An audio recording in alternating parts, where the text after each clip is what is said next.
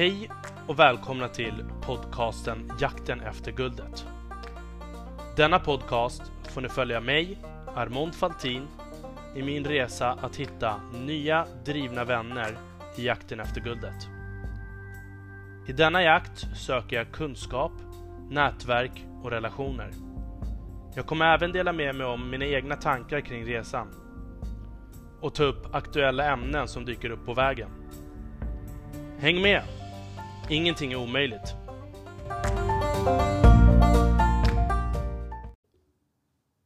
Hej och välkomna allihopa till avsnitt 91. Idag har jag med mig pensionsexperten Trifa Kire. Hej och välkommen Trifa! Tack så mycket. Tack för att jag fick komma. Vem är Trifa Kire och var kommer du ifrån? Var är du uppvuxen? Var har du gått i skolan? Ja, eh, jag eh, kom till Sverige när jag var eh, 12 år. Ursprungligen kom jag ifrån Iran. Mina föräldrar är kurder och jag är kurd från Iran. Eh, när det var krig mellan Iran och Irak så flydde vi ifrån Iran när jag var 10 år gammal. Det tog två år att ta sig till Sverige. Så de här två åren har satt väldigt djupa spår i mig. Eh, och när vi kom till Sverige så frågade de då eh, vart man ville bo. Då frågade de pappa vart eh, vi skulle bo och landa någonstans i Sverige. Och då sa han långt bort ifrån storstäder, nära hav och skog. Så att jag är uppvuxen i en liten stad i Hälsingland som heter Hudiksvall, Glada Hudik. Mm. Eh, och det är där jag tillbringade mina första sju år i Sverige. Vad, vad är det du kommer ihåg från resan från Iran? Ja, jag kommer ihåg massor. Vi flydde från Iran eh, samma dag jag skulle fylla tio år. Och eh, flykten gick då via forna Sovjet. Eh, då var det Gorbatjov som härjade. Eh, och Eh, för Iran gränsar ju mot eh, Ryssland. Så vi flydde då via, eh, vi, gränsade, vi korsade gränsen helt enkelt från Iran till Ryssland.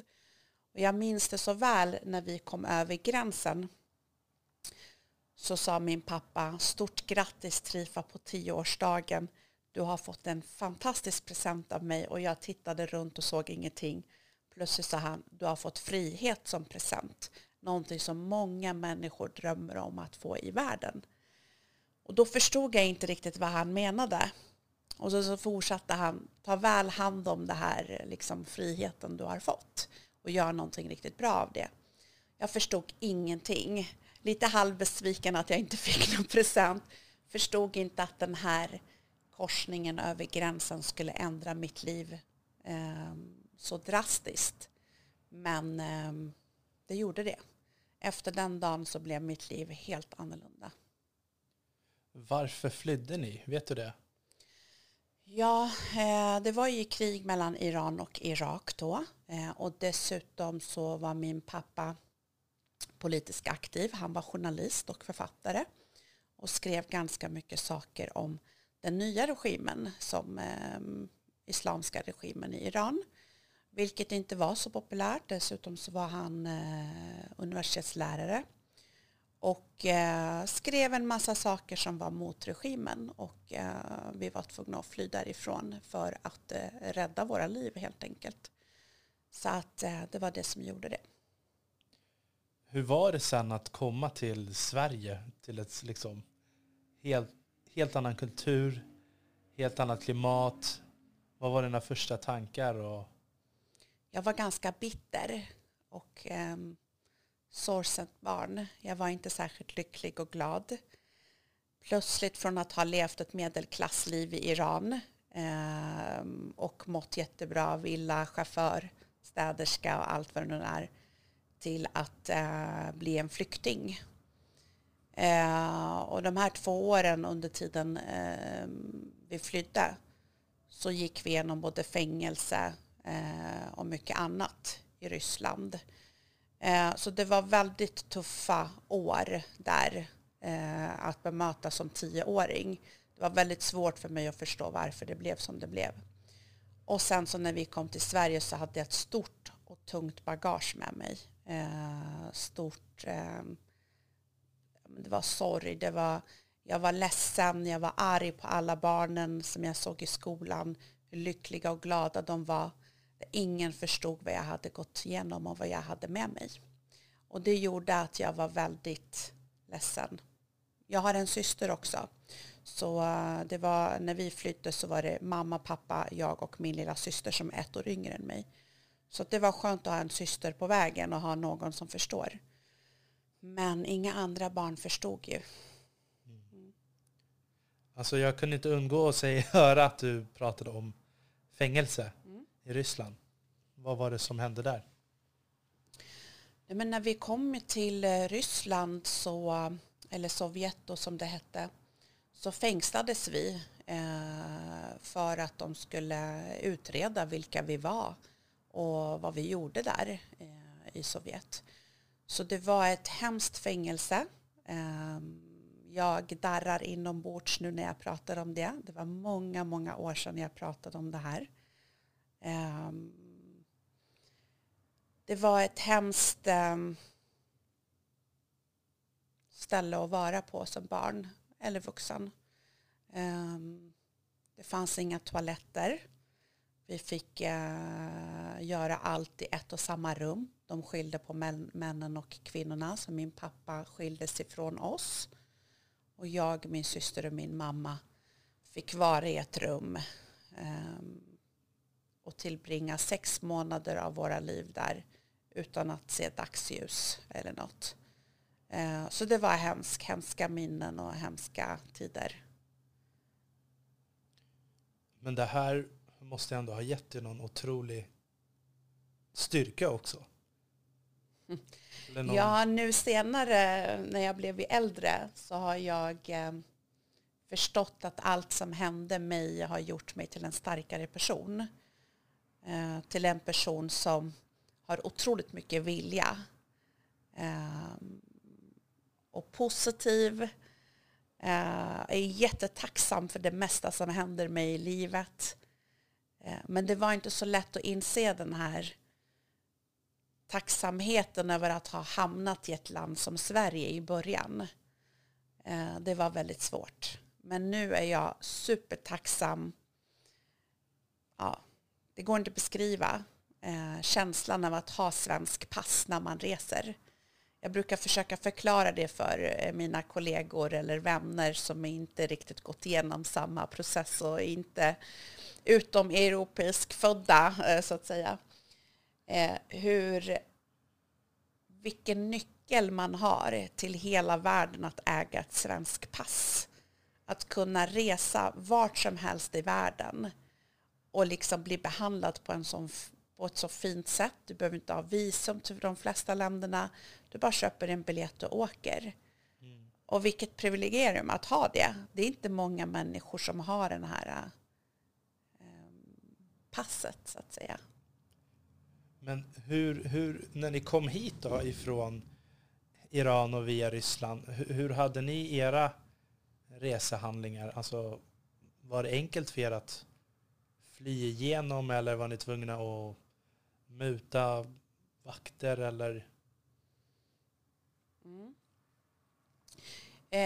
Um, ja men det är klart, det var väldigt svårt. Jag minns inte tiden innan eh, riktigt hur det gick till eh, med att, eh, ja men hur mina föräldrar gjorde. Men det kostade ganska mycket pengar att få någon att köra oss nära gränsen till Ryssland. Så jag minns det väldigt väl den kvällen. Men det kostade ganska mycket pengar. Men det hade eh, mina föräldrar, eh, de sålde ju det mesta så att de hade råd att göra det. Men när vi väl kom till Ryssland så var det ju svårt att ta sig ut därifrån. Eh, så efter eh, ett och ett halvt år lyckades vi fly därifrån till Östberlin. Eh, och eh, det var också kommunistiskt land eh, vid den tiden. Och eh, när vi kom dit så fick vi bo hos några vänner till mina föräldrar. Och vi insåg ganska snabbt att det var värre än Sovjet. Så att vi var där i, eh, i över en månad men insåg att där fanns det inte någon utväg till resten av Europa. Så vi vände tillbaka till, till Sovjet. Eh, och eh, därifrån fick vi hjälp då, då att eh, ta oss till Sverige. Vilka kämpar din mamma och pappa är? Alltså hur... Hade ni liksom hela tiden, hade ni kvar medel ifrån ni åkte, eh, från att ni kom till Ryssland och sen tog er till Tyskland och sen tillbaka till Ryssland igen? Eller ja, hur? lite grann. Eh, lite pengar hade man. Men vid den tiden fanns det ingen internet eller telefoner eller sådana saker. Men man hade då, men min mamma jobbade faktiskt, eh, hon fick jobb, hon lyckades få jobb på en plastfabrik eh, i Ryssland. Eh, där hon fick väldigt blygsamma summor eh, som hon fick i, i, i pengar. Det räckte knappast till någonting. Och jag minns att jag och min syster, för att inte göra våra föräldrar ledsna, att vi var hungriga så brukade vi leta genom sopor och äta mat från sopor för att eh, göra oss mätta så att de inte känner att vi äter mer än ja, men det de har råd att ge oss. Um, så att stjäla gjorde vi också en gång faktiskt. Eh, hemskt att behöva sitta här och skratta åt det idag men eh, vi vågade riktigt aldrig göra någonting sånt men en dag lyckades vi stjäla lite bröd och kakor. Men de tog oss eh, på bar gärning för vi var inte så duktiga på, på det. Och vi fick väldigt mycket stryk. Efter det var det bara sop, eh, sopor som gällde. Hitta mat från sopor på dagtid när föräldrarna jobbade. Men, men det är ju också eh, Maslows behovstrappa. Att det är ju fem trappsteg och längst ner där handlar det bara om mat, någonstans att sova och liksom närhet. Och då har man inte tid att tänka på vad som är rätt eller fel när man bara behöver mätta sig. Nej. Så att, uh, jag tycker det är bra att du tar upp det ändå. Ja. Att folk får veta att det liksom är fullt naturligt. Men, uh, så du pratar ryska eller? Jag kan lite grann. Uh, jag minns lite faktiskt, men inte jättemycket. Mm. Det är ingenting du har funderat på att du vill ta upp efteråt? Jag försökte plugga lite. Eh, både på gymnasiet och efter gymnasiala studier. Men det blev liksom aldrig riktigt ordentligt. Så vad gick du i skolan då, då sen? Hur, när var det du började få vänner och, mm. och sådär? När vi kom till Hudiksvall, det här är ju snart eh, 28 år sedan, Eh, då var det ju knappast några flyktingar som bodde där eller folk med utländsk bakgrund. Så att eh, vi var lyckligt lottade att hamna i Hudiksvall. För, för att eh, där fanns faktiskt en man som hette David Davis, en amerikanare som var gift med en svensk kvinna i Hudiksvall. Han eh, försökte få oss eh, som hade utländsk påbrå att sporta Eh, och inte vilka sporter som helst. Nu pratar jag inte om fotboll eller sådana saker. Då pratar jag om eh, utförsåkning, slalom, eh, segling, skridskor. För han tyckte då att vill man liksom integreras och lära sig ett landspråk, det går via sporten och det är liksom sporten som de själva håller på med. Så att eh, tack vare honom eh, faktiskt Arnold så eh, är jag väldigt duktig på att åka skidor. Eh, och jag kan segla. Eh, kapsajsat många båtar i mitt liv. Eh, lärt mig hur man gör. Så att eh, vi började sakta men säkert tack vare sport eh, och allting integreras. Och folk, folket i Hudiksvall var så otroligt generösa vid den tiden. Eh, jag menar, vi hade inte råd att köpa skidor och pjäxor och stavar och sånt själva. Eh, det fanns inte på världskartan. Eh, utan då eh, skrev David Davis en liten notis i tidningen om att vill ni skänka lite skidor och sånt till flyktingbarnen så de lär sig eh, åka skidor. Tror eller ej, men dagen efter, ett rum större än hela den här våningsplanen blev fyllda med skidor, skridskor, kläder, you name it. Allt fanns där. Det var som en butik. Det var bara att gå in och välja. Så att eh, den generös generositeten som folk visade där, det kommer jag aldrig glömma eh, någonsin. Så att, eh, ja, det var vägen till en eh, ny eh, era i mitt liv. Mm. Det är perfekt också. Det är tips hur vi ska hantera flyktingar idag. Ja. Faktiskt när flyktingvågen kom nu för några år sedan. Jag mådde så riktigt, riktigt dåligt. Eh, jag var väldigt... Ehm, det påminde mig väldigt mycket om det jag hade gått igenom och min familj har gått igenom. Och man såg hur mycket elaka kommentarer det fanns överallt om flyktingar och man mådde, jag mådde riktigt dåligt över det. Eh, jag vet ju att hjärnan förstår ju att vi inte kan ta emot så många flyktingar och det är svårt, bla bla. Men hjärtat säger någonting helt annat. Vem är vi som ska avgöra var folk ska bo? Så att eh, jag är jättekluven kring det här och jag har varit det i mitt liksom i mig själv. Så att, eh, ja. Mm. Nej, jag känner exakt samma sak. Det är svårt. Speciellt när man vet att de som flyr har, har någonting annat än de som stannar kvar. Det, det är ett extra go. Uh, det är samma sak om du bor kvar i din hemstad eller flyttar därifrån. Uh, den som rör på sig har ju oftast någonting extra och det ska man ta vara på tycker mm. jag. Men uh, vad, vad, vad pluggade du i för gymnasium och vad gick du i för linje? Jag gick på Broman gymnasium i Hudiksvall och läste naturteknisk. Eh, efter gymnasiet så eh, började jag läsa journalistik i Stockholm eh, på Jakobsbergs folkhögskola. Eh, hade lite tur där. Där hade jag eh, lärare som hade lite connections. Bland annat Janne Josefsson om du vet vem det är.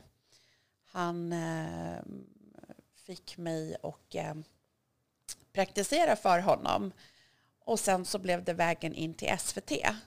Eh, började jobba på Mosaik och för eh, Fittja Paradiso som det hette då. Där man skulle sända direkt från Fittja eh, tillsammans med Janne Josefsson och hans reportrar. Eh, ja, så jag studerade journalistik och eh, jobbade på SVT samtidigt. Men sen en dag så eh, gjorde ett reportage om varför svenska ungdomar åker utomlands och jobbar undercover för Janne Josefsson. Vad är det som lockar eh, ungdomar att åka utomlands? Eh, såg en annons i tidningen, vill du jobba där alla vill åka på semester? tänkte ja, men det här är bra reportage och, och eh, gå in och do, med dolt kamera och hela alltihopa. Så jag låtsades att jag var vanlig ungdom som sökte mig till ett dröm om ett jobb utomlands. Och det sjuka var att jag fick jobbet. Och det lockade så mycket Arnold så jag sa upp mig på SVT. och pluggade aldrig färdigt journalistiken utan satte mig på ett flyg och åkte ner till Grekland för jag skulle bli mäklare där nere och sälja lägenheter och hus. Mm. Jag såg det på din LinkedIn-profil. Jag ville avbryta det. Var det Club Grekland eller vad sa du, Kreta? Ja, Club Greece. Mm. På Kreta och Rhodos, ja. Mm. Så hur länge bodde du där då? Ja, eh, där hände det någonting som jag hade aldrig upplevt på många, många år. Och det var att jag började tjäna pengar som mäklare sålde lägenheter och hus till svenskar som ville bo i Grekland eh, eller i Thailand. Så jag åkte emellan. Jag bodde på Rhodos eh, från april till eh, oktober när det var högsäsong där. Sen från oktober till april så bodde jag i Thailand och gjorde samma sak, sålde bungalow och sånt. Eh, jag gjorde det i fem år eh, och det var hela min värld vändes upp och ner på grund av pengar.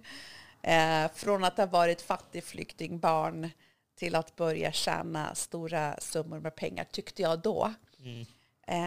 Var ju liksom helt omvälvande. Men vad gjorde du sen då? Sen kom mina föräldrar ner till Grekland två gånger och tyckte då att eh, de som är iranier nu och lyssnar på det här kommer säkert känna igen sig.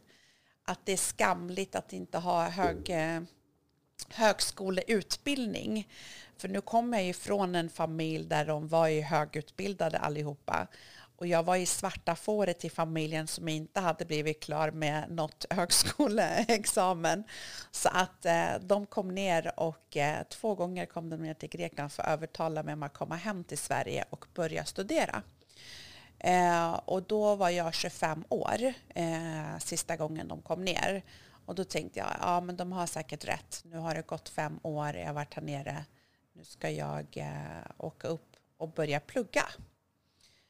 Eh, så jag lyssnade på dem och kom, ner, eh, kom upp till Stockholm och började studera här. Och då blev det ju inte journalistik som jag trodde, men då hade jag fått smak för ekonomi och pengar. Då blev det ekonomi faktiskt. Jag har läst nationalekonomi eh, här i Stockholm. Mm. Så den vägen är det. Och hur var tiden på skolan då, på universitetet? Det var helt fantastiskt. Man lärde känna folk som var eh, ja, men ambitiösa, duktiga. Det var väldigt bra. Bra sätt. Eh, och ehm, ja, men lära känna folk eh, som, är, eh, som vill ungefär samma saker som man själv vill i livet. Mm. Likasinnade. Precis. Mm.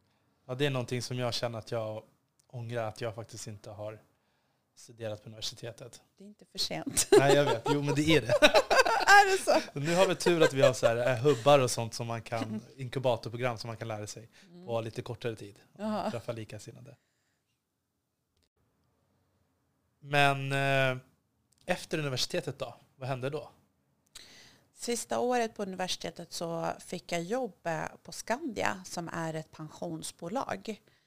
Eh, där jag har varit faktiskt på fram tills förra året.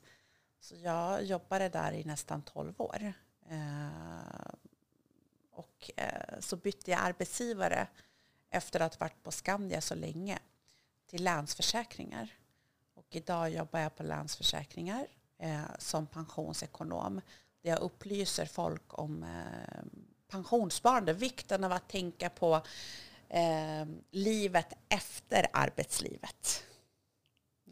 Men hur kom du in på pension? Från nationalekonomi och från att vilja tjäna jättemycket pengar till att liksom syssla med pension. ja, det har du faktiskt rätt i, det har inte jag tänkt på. um, ja, um, jag har ju haft ett handfull olika roller på Skandia. Men eh, Skandia, för de som vet vad det är för bolag, det är ett, i grunden ett pensionsbolag. Så pension var ju A och O på Skandia. Så alla man träffade, både som rådgivare och allt annat, så handlade det i det mesta om pension. Eh, och man blev ju liksom eh, helt eh, fascinerad av en värld öppnades upp för mig som jag inte kände till. Jag hade aldrig tänkt på, jag var också ganska ung när jag kom in på Skandia, jag hade aldrig tänkt på livet som pensionär. Mm. Plötsligt så stod man där och pratade om pension dag in och dag ut. Så att man blev ju liksom helt insyltat i det här pensionslivet. Mm. Så att mm. säga. Ja. Vad har du för drömmar och mål i livet utöver liksom bara pensionen? Ehm, jag har ju kämpat eh, flera år faktiskt för att få den här rollen jag har idag. Eh, det gjorde jag på Skandia och jag fick möjligheten att eh, vara ehm, tillförordnad talesperson när det gäller pensionsfrågor och representera Skandia under en viss period då den riktiga talespersonen var föräldraledig. Eh, och den öppnade en helt ny värld för mig faktiskt när det gäller karriären och så insåg hur roligt det var eh, att kunna påverka på riktigt eh, i människors liv. Jag menar, då pratar jag inte om bara pensionssparande utan sparande generellt är väldigt viktigt att ha. Hur man får avkastning på pengar. Jag menar, det gör ju mycket skillnad i människor. Så att just nu har jag mitt drömjobb. Så när det gäller yrkesmässigt eh, så drömmer jag om att bli stort i mitt område och kunna påverka så många människor som möjligt. Men när det gäller det privata, där har jag många drömmar. Eh, jag har ju uppfyllt eh, en av dem. Eh, och det hade jag lovat mig själv att jag ska lyckas med.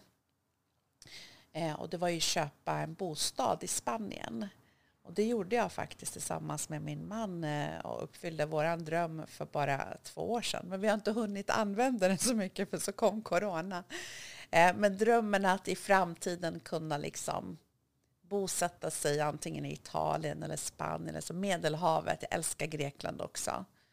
Eh, så att jag sparar väldigt mycket i pension för att jag vet att jag vill kunna leva ut min dröm vid Medelhavet. Ja. Ja. Vart i Spanien köpte du hus någonstans? Vi köpte i Alicante. Eh, så det gjorde vi. Eh, men sen har man ju många drömmar. Jag har ju två små barn. Och jag vill ju främst eh, först av allt kunna göra och ge dem ett liv som jag inte fick när jag var eh, yngre. För den drömmen blev jag, eh, ja men den blev liksom eh, borta så försvann den så fort vi blev flyktingar. Eh, och jag blev väldigt fattig medan alla mina vänner i Hudiksvall hade sommarstugor att ta sig till, eh, åka utomlands eh, och uppleva världen så hade vi inte råd med annat än att ta mig till centrum och hänga där. Eh, så att eh, jag vill jättegärna ge mina barn, och det är det jag kämpar väldigt mycket för, för att de ska kunna uppleva ett liv som en vanlig eh, Svenssons eh, med, eh, ja, med semestrar och åka utomlands och uppleva världen. Jag vill att de ska vara lyckliga framför allt. För att pengar ger inte alltid lycka. För det spelar ingen roll om du är miljonär, mångmiljardär eller vad det nu är. Har inte du hälsan i behåll och är inte lycklig så spelar det ingen roll hur mycket pengar du har i världen. Du blir inte lyckligare ändå. Eh, så för mig är det väldigt viktigt att de uppskattar mina barn, det jag försöker ge dem. För vi har liksom inte något arv som kommer komma. Jag har ingen mor och farföräldrar i Sverige som kommer ge oss något arv i framtiden. Så allt det jag har gjort hittills som jag är väldigt stolt över, det har jag byggt upp själv tillsammans med min man faktiskt. Eh, för att kunna ge våra barn någonting som jag inte hade. Har du några andra drömmar i livet? Mm. Eh, mina andra drömmar handlar om att eh, försöka ge tillbaka lite av det, allt det jag har fått till min mamma. Eh, varför jag inte nämner min pappa just nu det är för att tyvärr så gick han bort i cancer för några år sedan. Så han fick aldrig uppleva sitt liv som pensionär. Det var väldigt tråkigt att ha fram emot. Och vi brukade prata om det ganska mycket eftersom det är givet att jag jobbar med pensioner. Men den drömmen eh, krossades ganska fort i och med cancern.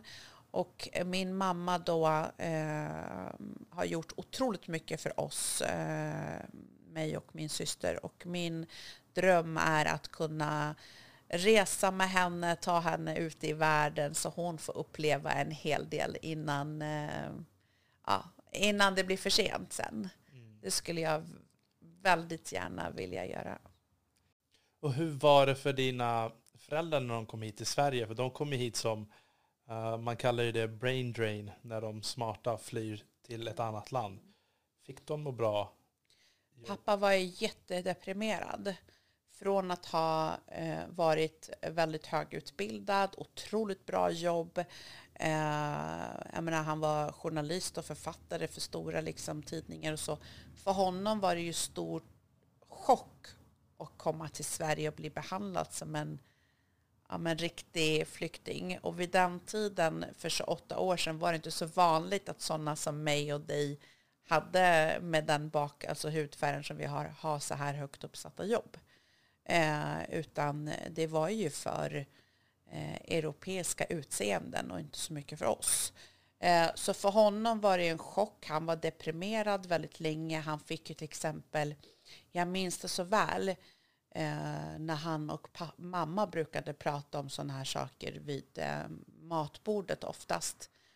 Eh, han, när man kommer till Sverige så måste man ju gå på SFI och lära sig svenska.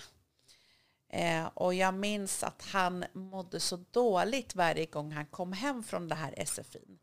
För att där satt han högutbildad, otroligt intellektuell och satt med folk som var analfabeter och kunde inte stava ens sitt eget namn.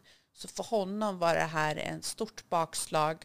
Han lyckades aldrig få en riktigt bra jobb eh, på många, många år tills vi tog oss från Hudiksvall, en liten stad, till Stockholm.